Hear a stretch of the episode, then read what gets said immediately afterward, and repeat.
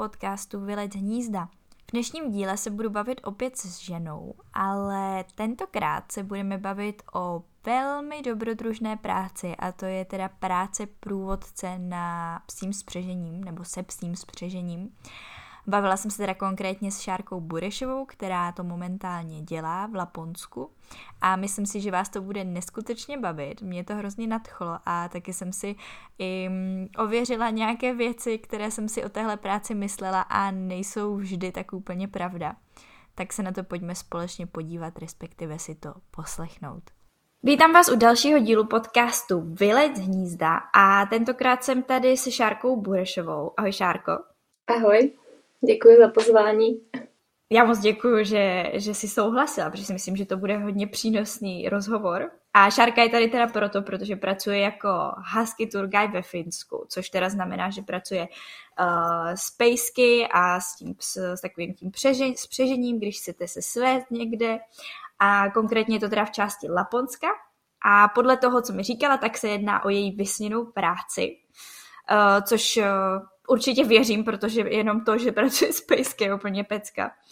A já jsem teda na tady to téma narazila už uh, před nějakou dobou a hrozně mě to zajímalo a jsem ráda, že konečně můžu s někým mluvit, kdo tohle dělá, protože jsem vlastně poslouchala i uh, podcasty u Travel Bible a tam vlastně dělali rozhovor s, s Janem Hvízdalem, což je fotograf a který to taky dělal akorát teda v norských Špicberkách.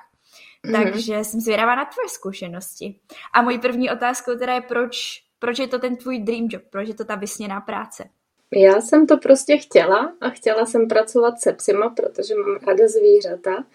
A chtěla jsem prostě jet do Laponska, protože mně přijde, že to je takový zážitkový a že to, že můžeš vidět spoustu věcí, že příroda je krásná, můžeš vidět auroru, můžeš vidět psy, sobíky, všechno. A mě většinou žádný můj nápad jakoby se nedrží dlouho a většinou mm-hmm.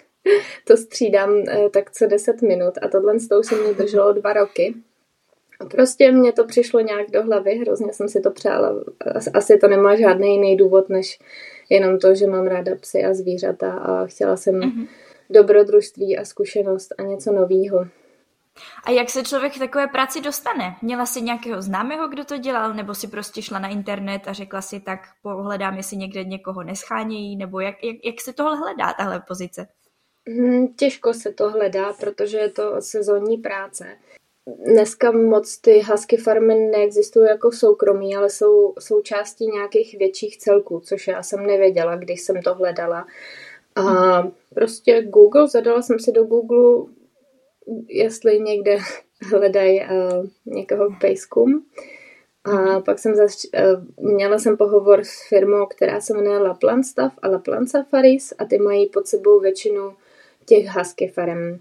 A snažila jsem se tam dostat dva roky a kvůli covidu to nějak nevyšlo.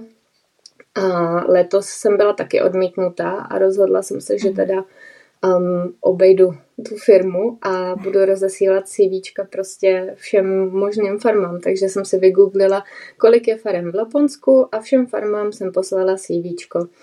A bylo jich asi 35 a přišlo mě, já nevím, jestli čtyři nebo šest odpovědí, z čehož dvě byly kladný, že jako uh, se mnou mm-hmm. chtěli podniknout uh, pohovor a jedna mě vzala, no. Takže z 35 takovouhle složitou cestou um, mě jedna firma vzala.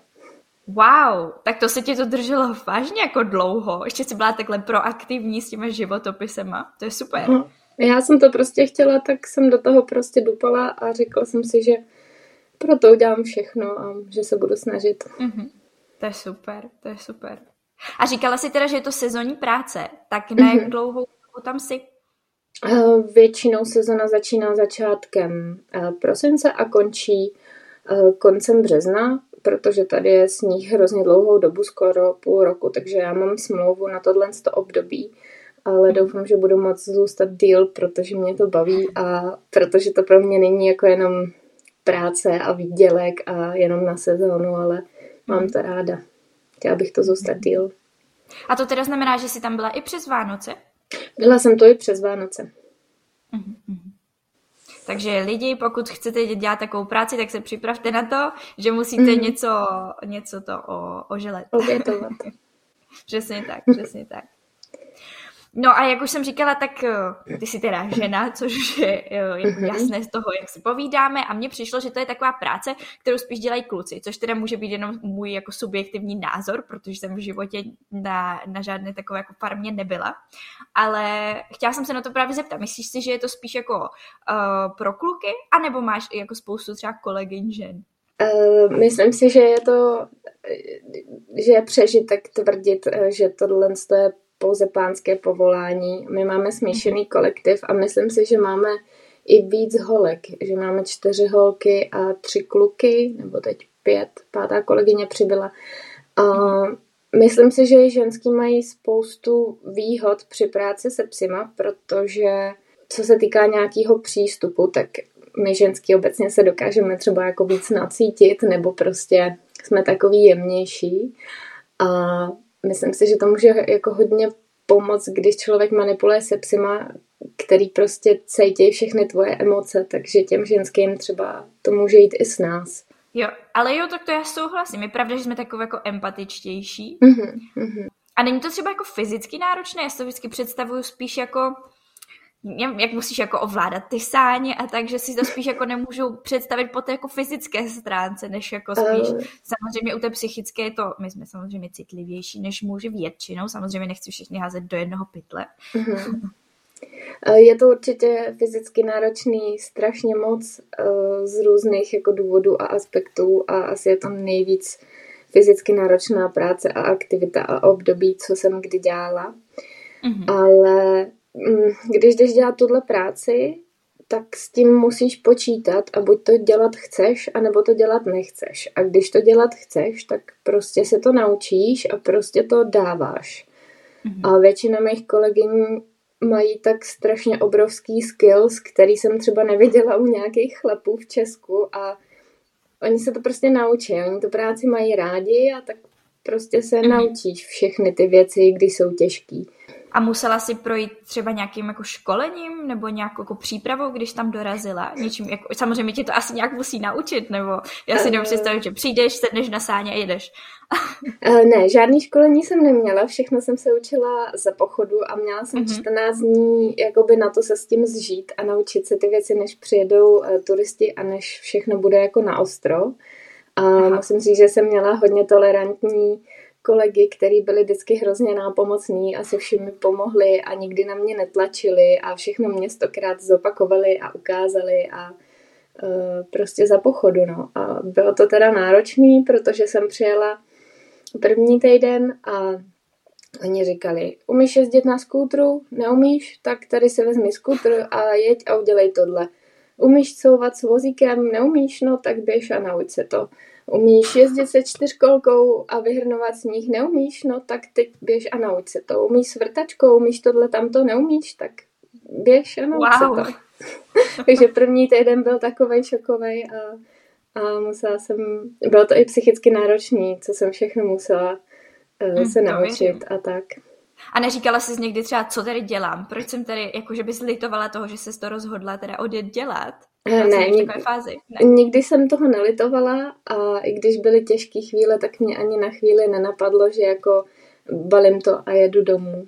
To ne, mm. protože když jsem se jednou jako rozhodla, tak přece nepojedu domů jenom kvůli tomu, že mě je třeba zima nebo um, že máme těžký den. To, do toho s tím jako jdeš. Jasně. A zkusila jsi třeba tady tohle už předtím jako turista? A nebo to bylo úplně poprvé poprvé? Eh, bylo to úplně poprvé, byla jsem úplně nová ve všem, začínala jsem od nuly, eh, všechno jsem se učila od nuly, eh, ať už se to týká jako manipulace se psima, nebo se saněma, nebo s různým vybavením, co jak se dělá, jak se připojuje, jak se jezdí na skútru, jak se jezdí na čtyřkolce, všechno bylo nový. A co na to rozhodnutí říkala třeba rodina nebo okolí, když si říkala, jo, tak teď momentálně odjíždím do Laponska a budu tam pracovat s pejsky.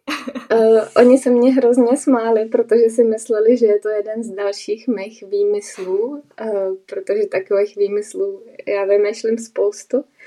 A No, jenom se smáli, ale jako ať, ať už by řekli cokoliv, tak mě by to stejně nějak neovlivnilo, protože už jsem dost stará na to, aby uh, mě názory rodičů vůbec neovlivnili, no, to je mě vlastně úplně jedno, co by řekli nebo neřekli. Mm-hmm. Já bych si to stejně udělala po svým. Jasně, tak nakonec je to náš život, že jo. My, mm. my musíme žít to, co chceme, ne rodiče. Mm. Samozřejmě to teď říkám pro lidi, kterým je víc než 18, do té doby by měli aspoň trochu jako, uh, dávat na rady rodičů určitě. Mojí další otázkou je, jestli si teda, nebo co všechno takový člověk, když se na tu pozici hlásí, musí mít. Co si myslíš, že třeba zaujalo ty lidi uh, z farmy na tvém jako CVčku? A řekli si, jo, přesně proto ji chceme. Musela si třeba splňovat nějaké jazykové podmínky nebo mít nějaké předešlé zkušenosti s zvířaty nebo něco takového? Uh, tak jazykové podmínky určitě, to si myslím, že je první takový krok, protože náš firmní jazyk je angličtina. Máme mm. celkem uh, tři cizince, zbytek kolektivu uh, jsou finové. Já si myslím, že na mým CV je nezaujalo vůbec nic, ale protože já jsem reálně jim kromě své snahy neměla co nabídnout a asi viděli, že Eh, že to chci dělat a že mě to mm-hmm. hodně zajímá, ehm, tak mě prostě vzali. A říkali, že to není eh, nutný mít zkušenosti, ale já bych lidem, kteří by se na tohle pozici hlásili, um, tak by to měli být lidi, kteří prostě mají nějaký skills, uh, třeba umějí něco opravit nebo umějí jezdit na tom skútru, takovýhle jako věci, protože to není jenom práce se psima, ale je tam spoustu jako Eh, maintenance, který se za ten den musí udělat, eh, připravit se na ty turisty, postavit ploty, eh, umět jezdit s autem, co má zapřežený vozík a jako mhm. mít nějaký takový, umět něco, no, rukama. Takže řidičák je povinnost, asi předpokládám. Řidičák je, je. Není to nutnost, vždycky tu je někdo, kdo ten řidičák má, ale je to určitě výhoda. Uh, mm. Už i z těch důvodů, že uh, jsou tady obrovské vzdálenosti mezi městama, takže kdo by sem chtěl jet, tak rozhodně s autem. Takže to není tak, že přiletíš třeba do Helsinek, pak je nastoupíš na autobus a doveze tě to až tam. Uh, jako doveze tě to do nějakého mm-hmm. většího města. Já jsem tenkrát letěla do Kytely. Kytela je od nás asi 80-70 kilometrů, mm-hmm. ale potom, když chceš je třeba na nákup nebo uh, dostat se do práce, tak prostě to potřebuješ, no. Tady jsou vzdálenosti mezi městama třeba 50-60 kilometrů. Aha. Um, no. Tak to pěšky člověka si úplně nezvládne. Mm, mm. no a vy teda jste ubytování přímo tam? A nebo musíš taky takhle jako ráno dojíždět? Eh, já musím dojíždět, my bydlíme asi 20 kilometrů od farmy eh, ve firemním ubytování, je to takový eh, typický dřevěný finský baráček.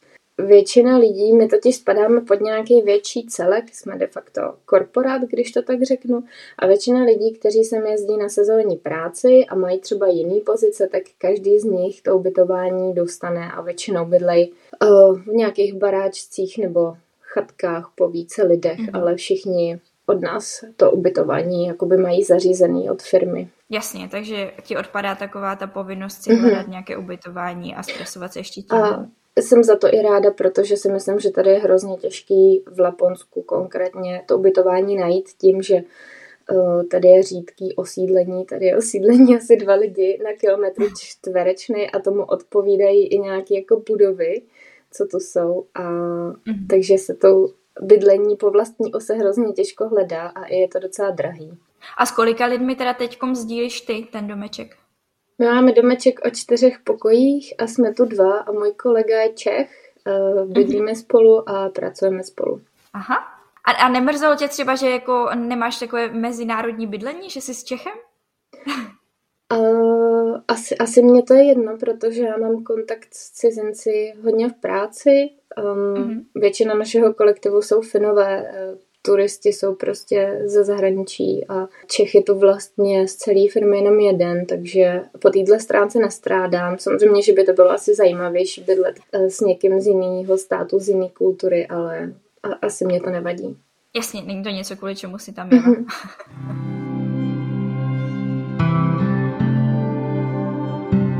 No a když je to teda Finsko, tak máte tam k dispozici i saunu, protože já vím, že většina Finů vlastní sauny takhle. Uh-huh, uh-huh. Máme saunu doma. Sauny jsou tady úplně všude, kamkoliv jdeš. Máme saunu i v práci, nevím teda proč. A v každé, každá budova má saunu a je to pro ně asi důležitější než jiný vybavení uh, domů, protože my třeba nemáme troubu, ale máme saunu, tak takhle. tak můžeš zkusit něco upéct tam, horko je tam taky. to by šlo, to by šlo. A v práci ji teda nevyužíváš? Uh, v práci ji nevyužívám, um, ale někdy ji využívá, že třeba když jsou lidi po směně hodně zmrzlí, tak uh, si jdou dát saunu prostě, no. Uh-huh, uh-huh. No a jak na, tom, jak na tom byla tvoje angličtina, když jsi odjížděla? Měla jsi jí dobrou? Měla jsi třeba nějaký certifikát, kterým si dokazovala, že umíš? Nebo chtěli po tobě třeba jakoby nějaký, předpokládám, že test asi ne, ale třeba nějaký pohovor, aby zjistili, jestli se zvládneš domluvit? Eh, certifikáty žádný nevlastním, ale měli jsme pohovor v angličtině, kdy teda jsem, mm. když se prostě domluvíš a odpovíš na všechny jejich otázky, tak oni tě slyší, oni vidí, jak umíš a myslím si, že um, jsem s angličtinou asi nikdy problém neměla. Samozřejmě, že to není nějaký jako business level nebo prostě C1, C2, to nemám, ale angličtina asi v pořádku. Toho jsem se nikdy nebála, byl to i můj oblíbený předmět už na Gimplu. A přemýšlíš, nebo přemýšlela jsi nad tím, že by si třeba začala učit i finsky? Ne, nepřemýšlela, protože to, to je tak příšerně těžký jazyk. Umím finsky asi tři slova a přijde mně to jako nemo, nemožný a, a je to na strašně dlouho a vlastně to není vůbec praktický, protože to použiješ jenom ve Finsku, kde všichni, kde všichni ve Finsku výborně mluví anglicky, takže... Jasně, takže to není potřeba. Hmm. A jaké slova to jsou, které umíš? Uh, umím koira, koira znamená pes, uh, pak uh-huh. umím ej, to znamená ne, a pak umím koty koty, uh, to je když psa voláš zpátky do voliéry, uh, tak koty uh-huh. znamená jakoby domů, takže ho voláš pojď domů. A... Tak to umím. Uh-huh. No já, já jsem se právě, myslím, že když jsem na to nějak narazila, že vlastně finština patří mm. do takové té skupinky snad s maďarštinou, mm-hmm. takže se vůbec nedivím, že je to jako takhle šílené, protože maďarština mi taky přijde úplně jako, že jiný svět. No jo, takže... ani, na chvíli, ani na chvíli jsem nepomyslela na to, že bych se tu finštinu jako učila. A nemáš právě třeba problém uh, komunikovat s těmi psy, protože oni asi jako neumí anglicky, nebo tak mm. si to nějak představuju já, takže právě musíš umět tady ty slovíčka, aby se s nima nějak jako dorozuměla a udělali to, co chceš. Já si myslím, že při komunikaci se psyma je jazyk asi jedno, mm-hmm. a protože záleží na nějaký intonaci a třeba na jako body language Mm-hmm. A my jim vlastně ani žádný povely nedáváme. My nepotřebujeme, aby si našich 130 psů najednou sedlo. sedlo. Nepotřebuješ prostě dávat povel sední ani lehní ale spíš nějakou jakoby obecnou disciplínu, aby ten pes někam neutíkal, aby se držel tebe a aby věděl, že teď má jít domů a teď má jít z boudy.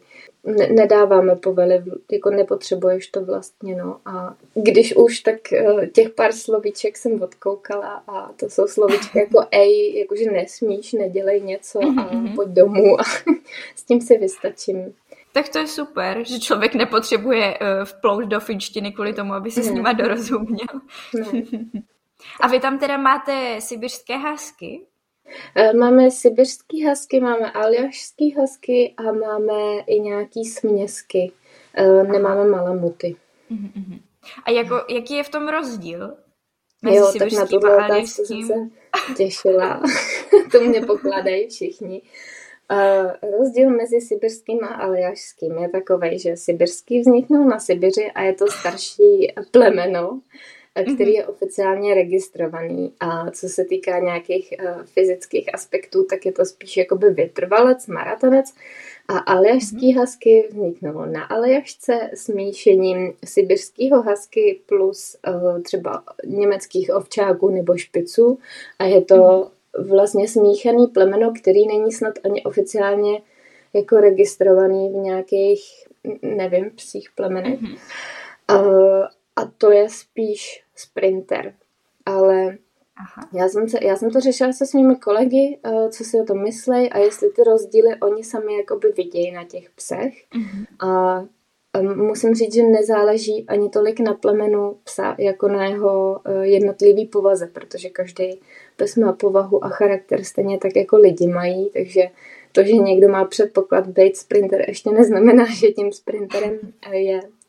Ale ty rozdíly jsou asi minimální, spíš v původu a obojí mhm. jsou to uh, sportovní pracovní psy, které byly vyšlechtěný za tímhle důvodem. Už někdy třeba v pravěku. Takže když je vidíš vedle sebe, tak bys neřekla, tenhle je prostě sibirský, tenhle je aljašský. Uh, ne, já, já neřekla a myslím si, že je to hodně těžké poznat, ale určitě jsou lidi, kteří uh, se v tomhle to tom pohybují dlouho a který, to, uh, který ty rozdíly vidějí. Já to a máte i, Jo, já to chápu, já jsem, já vůbec, já prostě vidím huskyho a tím to pro mě jako hasne, mm-hmm. takže a, a máte i nějaké ty, který, kteří mají jako dvoubarevné oči? Máme, máme. A, a většinou dvoubarevné oči mají sibirský teď.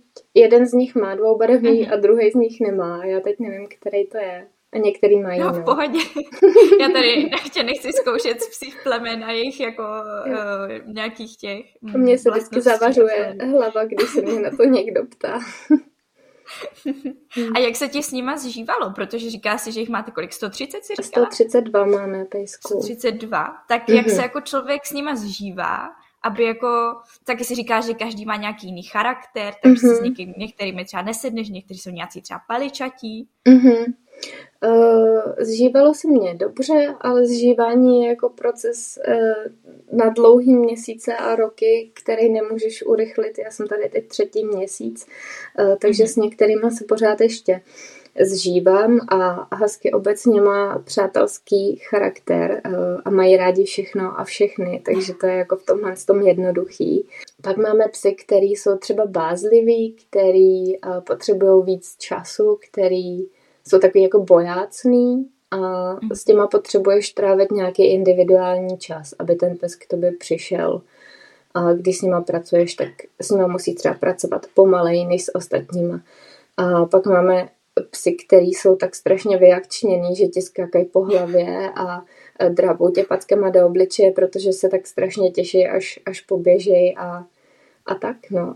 Um, Takže je to trochu jako děti. Je to jako děti, je to jak mateřská školka doslova. Ty jo, no. A ne, ne, nebála jsi se třeba, nebo neměla si problém si zapamatovat jejich jména? E, měla velký a hrozně dlouho mi to trvalo a e, ty jména jsou povětšinou finský a ve finštině mm-hmm. něco znamenají, že třeba e, máme psa, který se jmenuje Tujsku a Tujsku prej znamená jako vychřice nebo vánice. Aha. A pro Čecha, no, jsou to finský jména, dalo mi to pro, dělalo mi to problém a ještě doteď některý nerozeznám, protože některý vypadají prostě jako uh, mají vzhled vlka a máš deset mm-hmm. takových, který se jsou hrozně podobný a ale většinou mě tak... tu situaci uh, ulehčuje to, že oni bydlejí po dvojcích v té boudě a ve stejné dvojici jako bydlej, tak i běhají. A když znáš jednoho, tak už znáš tu dvojici, protože takhle jsou povětšinou jako pořád, takže ti to usnadňuje to, že v tom je nějaký řád, který je pořád stejný. tak aspoň nějaká pomoc. Hmm. Protože jako to, takové, tolik, to ani učitelé si nemusí pamatovat tolik hmm. žáků ve třídě, takže si myslím, a to máš třeba české jména, takže si myslím, hmm. že to je jako docela záhul. No, je. Eh, a není to jenom jako o jménech, ale musíš je vědět samozřejmě, jak vypadají a rozeznat je třeba v davu. Musíš vědět, kde bydlejí, když je eh, z té klece bereš a když je tam vrací zpátky a kdo s kým vychází a jakou mají povahu. Takže je to dost věcí na zapamatování. A stává se třeba občas, že se poperou mezi sebou?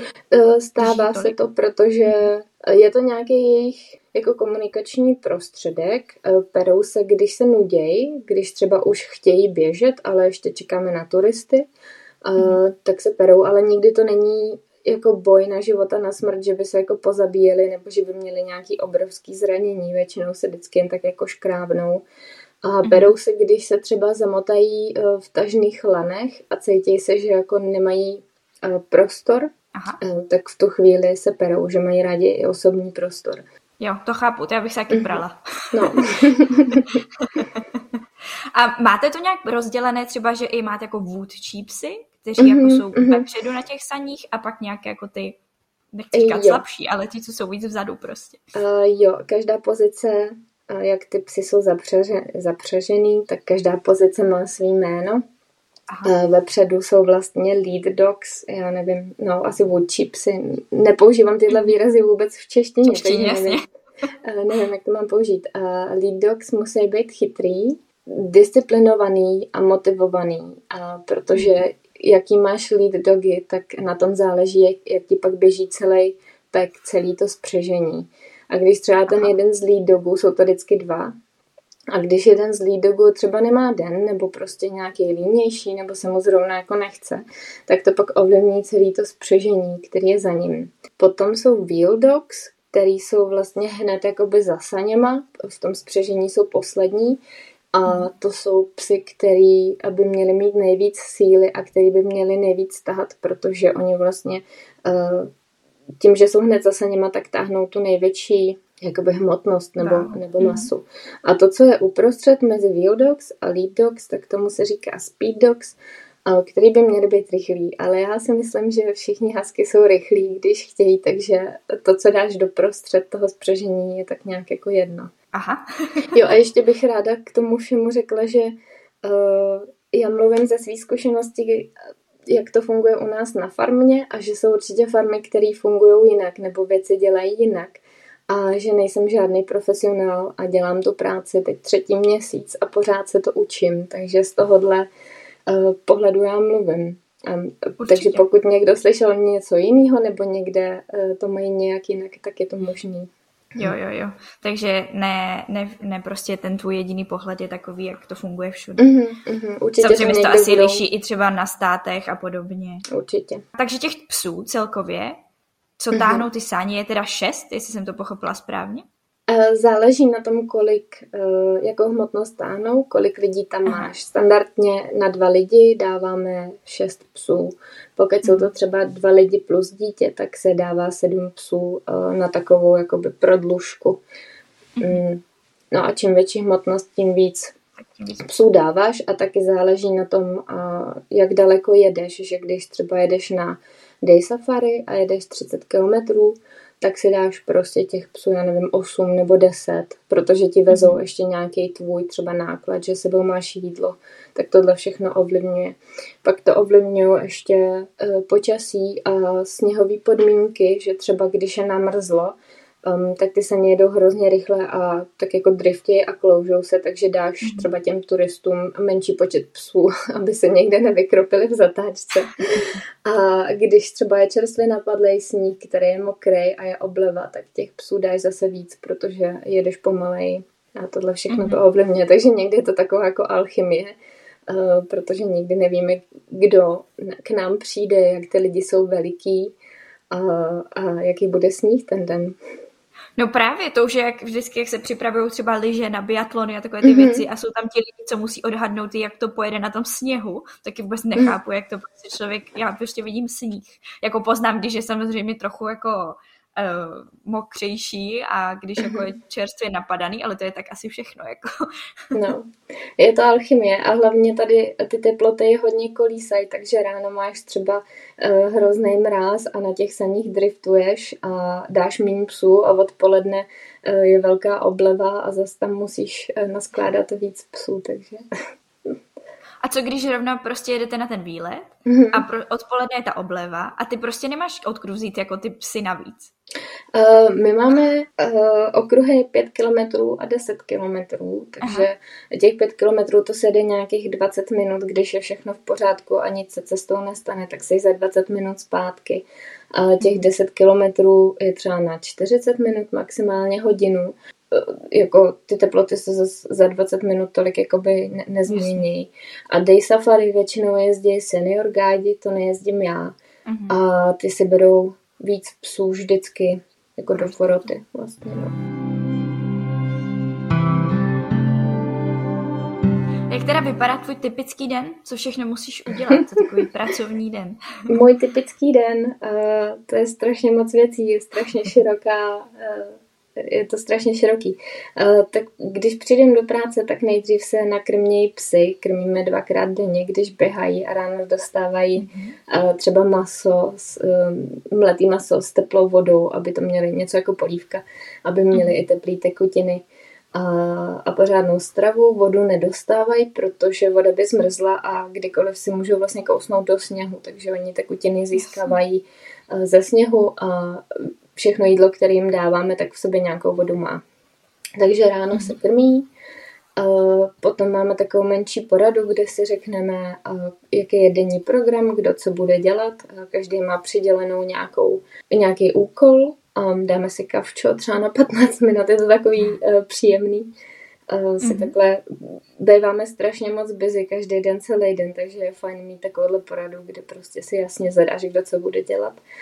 A začíná to tím, že se jdou oškrábat saně z kluznice, protože můžou být namrzlí, takže to musíš očistit.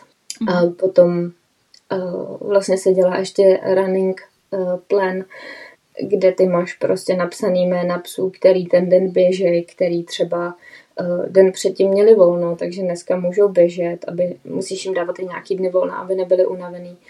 A mhm. podle toho Připravíš si počet saní, převážeš si je, rozmotáš si ty tažní lana, připravíš si postroje, který každý pes má jinou velikost, takže ty musíš znát i velikost toho postroje, který nosí. Aha. Nesmí to být moc malý, aby nebyly odřený, nesmí to být moc velký, protože pak v tom plavou a vlastně jakoby nezabírají. A máme třeba sedm velikostí postrojů a to musíš všechno znát. Plus každý pes má ještě jiný tvar hrudníku, že jo, tak to mm-hmm. podle toho operovat. To už je, to už je jak podprsenka skoro. Jo, jo, něco takového. A takhle si to připravíš a potom tam začneš uh, připojovat ty pejsky podle toho uh, denního běhacího rozpisu a pak se vlastně čekáš, přijedou turisti a já musím na správnou, na pravou míru uvíct to, že u nás turisti řídí saně mm-hmm. a uh, my většinou jako guide řídíme Eh, jako na saních stojím každý den, když s nima manipuluju a řídím a v případě, že je na saních dítě, mm-hmm. tak ten rodič se ho musí držet, protože dítě nesmí sedět samo z bezpečnostních důvodů. A když jsou starý lidi, který prostě ne, nechceme nechat řídit starý lidi, aby se jim něco nestalo. Takže v těchto mm-hmm. případech uh, řídíme, ale často jezdíme i na skútrech, kdy ty vlastně jako guide máš svůj skútr, protože v momentě, když máš svý saně, tak ty musíš především obhospodařit svoje vlastní saně a když se něco někde někomu stane, tak ty musíš stát na svý brzdě a nemůžeš jim mhm. vlastně jít pomoc. Uh, takže pokud máš uh, hodně lidí a hodně skupin a hodně spřežení, tak jezdíme třeba na skútru dva s nima, protože je to prostě uh, praktický a logický řešení. A když máš třeba menší skupinku, tak s nima jedeš na těch saní, protože Eh, to se líp operuje takhle. Mm-hmm. Um, no a pak přijdou turisti, posadíme do saní, jedeme na okruh, uh, mají tam i uh, swapping point, kde vlastně ten uh, řidič se může vyměnit s pasažérem, aby si každý všechno vyzkoušel. A mm-hmm. cestou kontrolujeme psy, jestli nejsou třeba zamotaný, jestli si nesežrali ty postroje, jestli lidi jsou v pořádku, protože když Nesežrali třeba... si postroje? Mm, oni to koušou. To se stává? Často. To Aha, se stává jo, hodně často. Máme pár psů, který prostě to koušou a prostě to žerou a nevíme z jakých důvodů, jestli jim to není nějak jako příjemný, nebo je to třeba mm-hmm. svědí. A kdykoliv ty vlastně s těma lidma zastavíš, tak ten pes chce hrozně moc běžet a nechce jako čekat, až ty mm-hmm. zkontroluješ ty turisty, tak v tom momentě přesně víš, že všichni si začnou ty postroje kousat a že pak budeš muset po cestě vyměňovat. No a takhle s nima jedeš.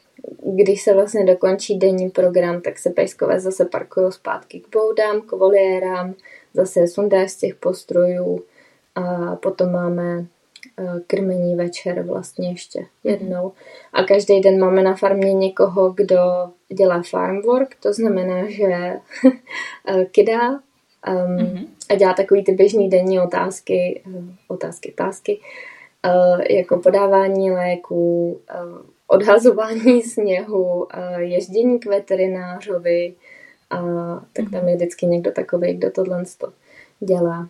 A to teda děláš i ty, jakože na tebe občas přijde řada, anebo jo. je to někdo úplně zvlášť? Jo. Uh, jo, jo, jo, vlastně se na té pozici všichni nějak točíme, protože ono je to příjemný si občas odpočnout od turistů a odpočnout si to od věřím. toho, že oblíkáš, já nevím, kolik psů do postroju každý ráno a pak je zase svlíkáš, tak je to někdy příjemný uh, jenom kydat hovna. Mm-hmm. Jasně, nemusíš aspoň s někým komunikovat, mm-hmm. trochu si oddychneš. Mm-hmm. A kolikrát takhle jedeš tu trasu uh, za den? Záleží, jaký máme safari, jestli máme pětikilometrový nebo desetikilometrový, mm-hmm. protože ty psy mají nějaký kilometrový limit, uh, který nesmějí překročit, aby prostě byly dostatečně odpočnutý a aby nebyly přetažený. Takže ten limit máme 20 kilometrů za den pro psa mm-hmm. a snažíme se to, když to jde, tak se snažíme to mít ještě menší a uh, třeba i v průběhu dne ty psy pošleme domů a postavíme prostě nový peky, nový spřežení. Mm-hmm. Pokud, pokud na to je čas a pokud můžeme, tak se snažíme šetřit co nejvíc. Uh, takže když máme pětikilometrový safari, tak můžu jet čtyřikrát a když máme desetikilometrový, tak jedou dvakrát. Potom máme ještě day safari, to na celý mm-hmm. den a to je nějakých 30 kilometrů a to ty psy potom mají automaticky druhý den volno a potom je overnight safari a to si myslím, že je 60 to pak mají Aha. víc volna. Je jako potřeba, je potřeba jim dávat volno a mít v tom nějaký balans. Mm-hmm. Jsou to mhm. zvířata, nejsou to stroje. Jasně. A tyhle, právě tohle to jsou ty věci, které každá farma může mít jinak, protože mají třeba mm-hmm. jiný počet psů, jiný počet zákazníků, třeba i jiný přístup k tomu, jak se chovat ke mm-hmm. psům. Jasně. Takže vy, jste, vy máte prostě ten přístup, že je potřeba se o ně starat pěkně, mm-hmm. protože tak, jak si řekla, nejsou to stroje, jsou to prostě živé bytosti. Určitě. Všichni, co děláme tuhle práci v našem kolektivu, tak tam nikdo není jakože pro peníze. Tohle to není mhm. práce, mm-hmm. kde si odděláš svý hodiny a dáš si kafe a koukáš na Instač a dál tě to nezajímá. To je práce, eh, kde máš prostě celý den totální nasazení, ať už fyzický nebo psychický. A mm-hmm. děláme to, protože máme ty psy rádi a protože nás to práce baví. A podle toho se k ním tak chováme, protože yes. máme rádi psy prostě. A za druhý, když eh, si farma vydělává tím, že má takhle psy, tak uh, potřebuješ, aby byli zdraví, potřebuješ, aby byli mm-hmm. odpočatý. Takže už je z těchto důvodů, že pokud chceš mít takovejhle biznis, tak musíš se o ty psy nějakým stylem starat. Takže za tebe můžeš říct, že pokud by někdo chtěl vyrazit zrovna přímo k vám, tak mm-hmm. je to jakože v pořádku. Je to Kápiš, nemusí se bát, že s těmi zvířaty prostě někdo zachází špatně, tak jak ne, třeba když někdo jede někam na slony a podobně. Ne, a já bych tu ani nebyla, kdyby, kdyby se mm. tohle to dělalo, tak já bych to nepodstupovala. No, asi záleží na každém vedení každé farmy mm. a my to tak máme nastavený. U nás se psy nebijou. Doufám, že nikde se psy nebijou. A, tak no. Já myslím, že celkově se ti to potom jako vyplatí dlouhodobě, protože když se o ty psy staráš, tak ti odpadají přece takové ty položky jako veterinář, což mm-hmm. jsou mhm. podle mě neskutečné částky, když potom musíš na tu veterinu s tím psem. Mm-hmm, určitě. A i prostě, jo, je to zvíře, tak přece no, to potřebuje péči, to jako... Souhlasím, souhlasím. Mm. A musela si třeba během nějakých eh, tady těch eh, výjezdů s turisty řešit třeba nějakou, že se vám stalo něco nepříjemného, nebo někomu se udělalo špatně, nebo uh, nevím, cokoliv se stalo. Nechci jo. ještě docházet k té otázce, které se tak smála ohledně vlků a dalších zvířat.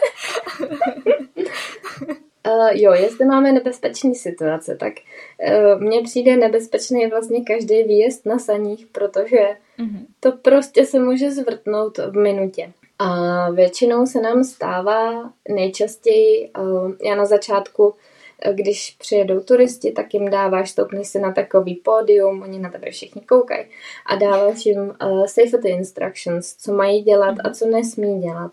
A ty jim tam říkáš, když stojíme, musíš stát na brzdě a musíš se držet obouma rukama. Nevytahuj foťáky, nefoť, prostě drž si ty svý saně, jinak ty psi ti cuknou a ty spadneš. No a samozřejmě, co se děje, že jo, turisti uh, jsou nadšení, chtějí fotit a tak řidič saní místo, aby si svý saně držel a třeba stál na brzdě, tak vytáhne foťák a fotí si a pak mu ty pejskové třeba cuknou nebo prostě spadne a pak ti běžej, pak ti běžej prázdný saně a turisté leží někde v příkopě. Jako samozřejmě, že se mu nic jako nestane, protože všude mm-hmm. je mhm. sníh, takže uh, nemáme nějaký jako krvavý úrazy. Ale tohle, co se děje na, na denním pořádku, skoro, že oni nedodržují ty eh, pravidla, které my jim na začátku říkáme. Všichni chtějí fotku na Instagram? Všichni chtějí fotku na Instagram, ano. No a teď teda k tomu, eh, jestli potkáváte nějaké divoké zvířata. A ta, měla jsem teda tam napsané i soby, teď což, což ti pravděpodobně asi tolik neublíží, nebo, ne, nebo nevnímám to jako tak nebezpečné zvíře. A pak jsem tam měla teda vlky, případně nějaké medvědy. Hele, jak, jak když jsem se měla, tak jsem si tohle právě hledala, jaká je pravděpodobnost, že mě třeba cestou do obchodáku jako zabije medvěd nebo tak něco. Mm-hmm. A Google říká, že to jsou medvědi i vlci a že je potřeba si na ně dávat pozor. A já jsem se ptala svých kolegů, jestli někdy viděli jako vlka nebo medvěda. A třeba můj kolega, který mu je přes 40 a žije tu celý život a často jako e, chodí do přírody nebo přespává v přírodě, tak říkal, mm-hmm. že vlka za celý svůj život v životě neviděl a že medvěda viděl jednou a z hodně velký dálky. Takže ne, neběhají tady vlci po ulicích ani medvědi. A Jasně, asi jsou takže se... jako mm-hmm. v hodně divoký přírodě nebo uh, mm-hmm. no, někde skovaný jsou. A když se jdeš třeba projít do přírody, tak nemáš mm. jako takový ten, takový ten pocit, jako co by kdyby? Ne, nenapadlo mě to a vůbec si tyhle brouky nechci zasazovat do hlavy. A promiňte. uh, ne, tak na to nesmíš myslet, to bys pak jako mohla sedět pořád jenom doma. A já si myslím, že tyhle zvířata jsou plachý, že se nás bojí víc než mm-hmm, my jich. Víc než my jich. No, jo, no. A i tady mm, v lesích je spoustu jakoby běžeckých tratí na běžky a asi když mm. to zvíře slyší, vidí nějaký pohyb, tak se spíš drží dál. A co se týká mm. sobů, uh, to, to je poměrně zajímavá věc. Momentálně ve Finsku nejsou žádný volně žijící soby, kteří by neměli majitele. Všichni soby mají čip, nebo nemusí mít, ale většina z nich má, a mají majitele. A soby ve volné přírodě jsou vlastně jenom v létě od jara do podzimu mm-hmm. a na zimu. Každý ten jako reindeer herder, nevím, jak se to řekne česky, ten, co vlastní soby. Majitel soba? No, no. Nebo... Uh, tak, tak ty soby jakoby uh, nahánějí na zimu domů, na tu sobí farmu, kde pak třeba mají sobí zabíjačky nebo je používají taky na turismus. Uh, hlavně musí krmit, protože ten sob asi v zimě nemá moc co jíst ve volné přírodě, mm-hmm. což je hrozně zajímavý. Takže teď ve volný, v zimě ve volné přírodě nepotkáš soba na volno, ale mm-hmm. ten můj český kolega, co přijel někdy na podzim, předtím, než oni ty soby naháněli domů, tak říkal, že byly plný silnice, pořád sobu, že furt někde zastavoval, uh, protože měl soby na cestě. No a proč se, proč se to jmenuje safari, když jezdíte s těmi psy? Vidíte jako ti lidi nějaké zvířata po cestě? Nebo já si teda pod safari představím, že jako někde projíždíš a vidíš třeba jako v okolí nějaké zvířata. A nebo je to kvůli těm psům? Ty jo, to nevím a nikdy jsem nad tím nepřemýšlela, ale, ale řekla bych, že je to kvůli těm psům a mm-hmm. oni tady vlastně veškerý lesy, ty, u nás v Čechách řekneme jdu do lesa nebo prostě jdu do přírody a oni tomu tady říkají divočina, oni všemu říkají jako wilderness. Mm-hmm. No a asi to má být jako výlet do divočiny. Jo, do, do divočiny, jasně. No, no takhle oni to jako, nazývají. Jo, pro mě je výlet do divočiny, i když jdu třeba do lesa jako za, za naším domem v Česku. No. A to, to se mi jako taky stalo, že jsem tam potkala, co to bylo, nějaký německý ovčák, jako mm-hmm. vyběhl spoza takový jako zatáčky. A nešlo jako vidět, jestli má obojek a teď moc je nerozeznáš od vlků. Mm. A, a nebylo vidět ani žádného pánička, takže jsem si chvíli jako říkala, a teď jako je to pes, nebo je to vlk? Mm-hmm. My jako bydlíme trochu tak jako od, daleko od města, není to jako, že jdu třeba někde do parku. Tak jsem si říkala, jo, tak co teď? Ale naštěstí pak teda vyšel i ten páníček, takže pro mě jsou i tohle jako výlety do divočiny.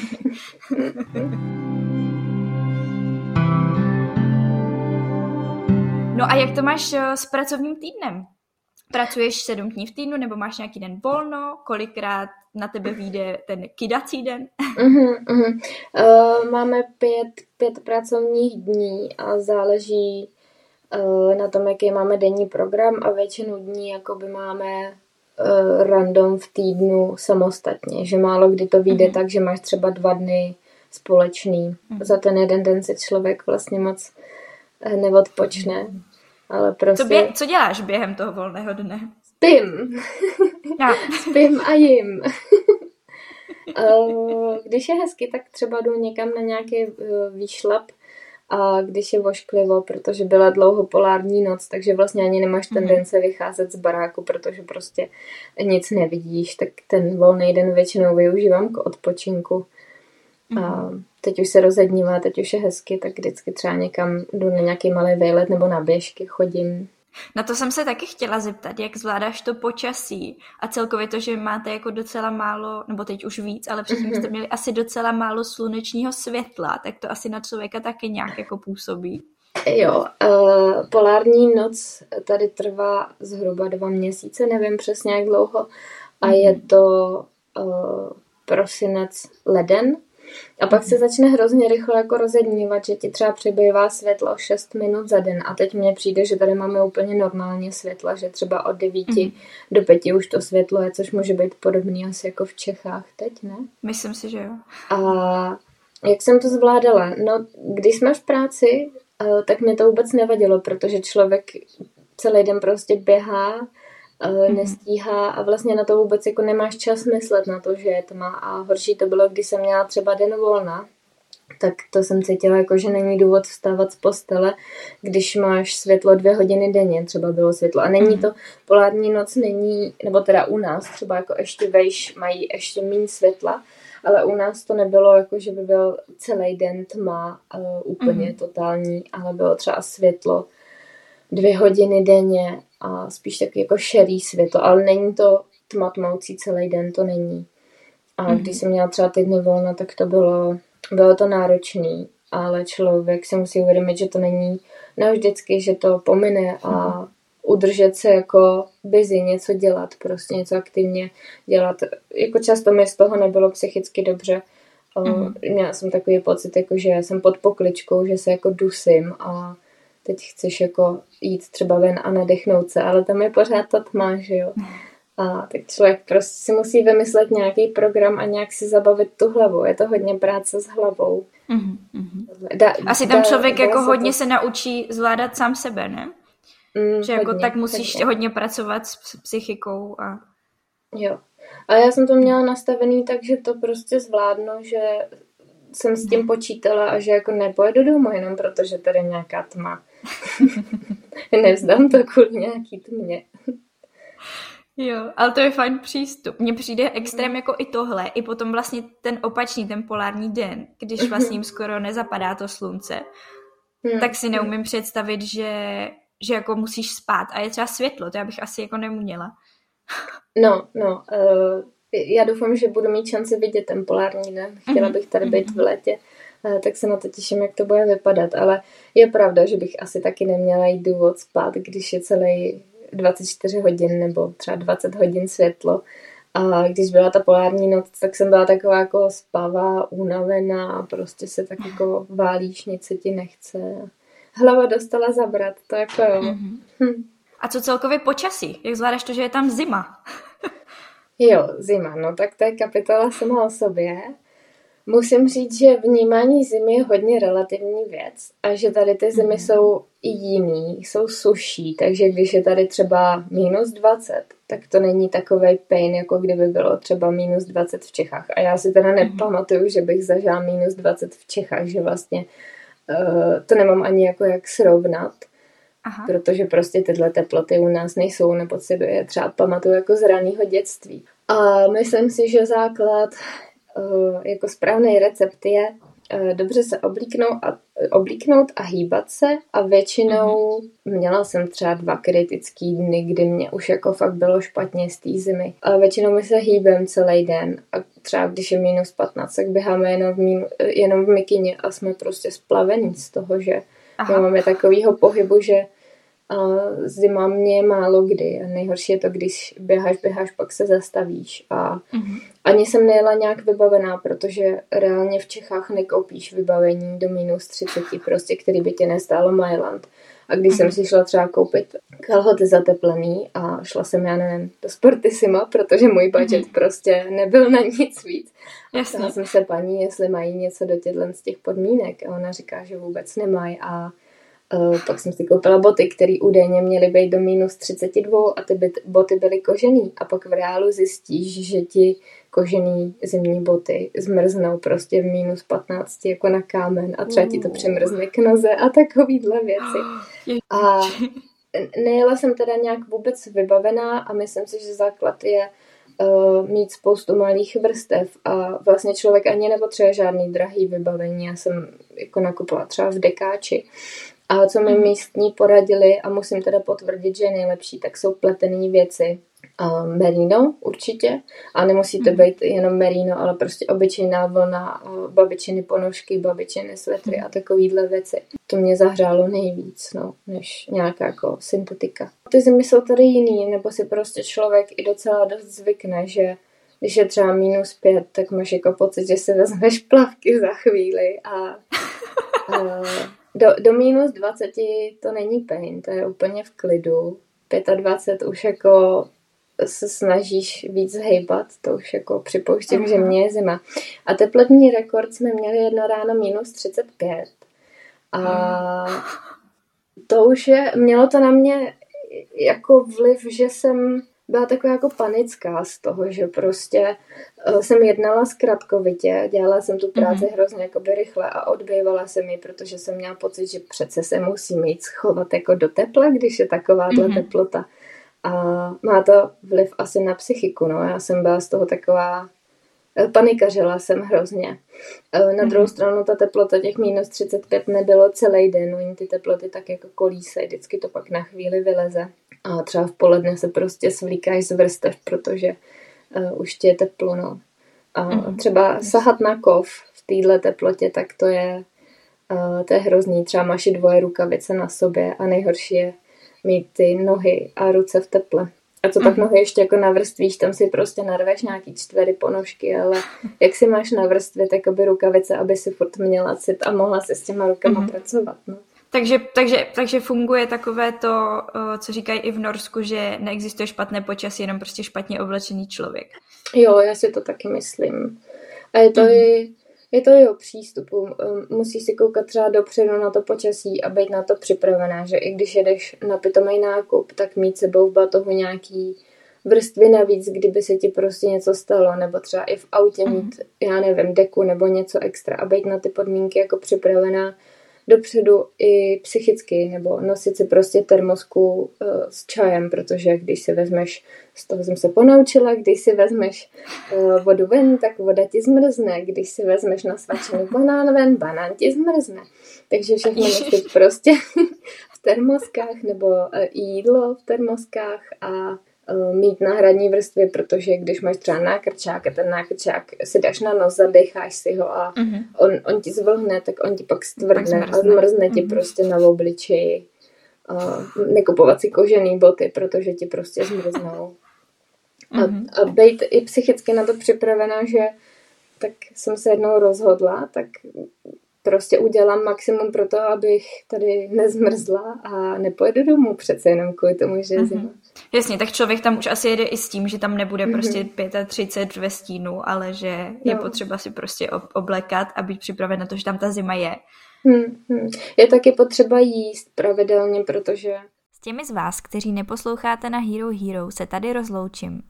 A doufám, že vás podcast bavil a pokud vás bavil opravdu moc a chcete slyšet ještě víc ohledně toho, jaké to je pracovat v Laponsku a mít okolo sebe tolik psů, tak eh, určitě pokračujte na Hero Hero, zkuste se tam podívat, je tam třetina tady tohohle rozhovoru, určitě vás to bude bavit. A já jsem si jistá, že se vám to bude líbit a že se z toho dozvíte ještě další velmi užitečné a zajímavé informace. Pokud se na Hero Hero nevydáte, tak i tak děkuji za poslech. Pokud byste chtěli další dodatečné informace, tak určitě sledujte podcast na sociálních sítích, vždy ho najdete jako Vylet hnízda, bez háčků a čárek. A to už bude pro dnešek úplně vše. Já se na vás budu těšit zase za dva týdny v neděli a tentokrát to bude epizoda, respektive One Woman Show, protože budu povídat jenom já o svém vlastním dobrodružství, které momentálně zažívám ve Španělsku jako oper. Rádi byste studovali v zahraničí, ale nevíte jak na to? Potřebujete pomoc s výběrem destinace? Chtěli byste zkusit práci v zahraniční firmě, ale máte strach, že to nezvládnete? Rádi byste nějakým způsobem pomohli naší planetě a chtěli zkusit dobrovolničení? Poslechněte si rady, typy, zkušenosti lidí, kteří už tohle všechno prožili nebo prožívají a zkuste to taky. Tohle všechno a ještě mnohem více se dozvíte ve Vylec hnízda. Tento podcast je tady pro všechny, kteří se bojí a chtěli by někam vyrazit. Seberte odvahu, poslechněte si pár rozhovorů, najděte destinaci a vyražte za svým snem.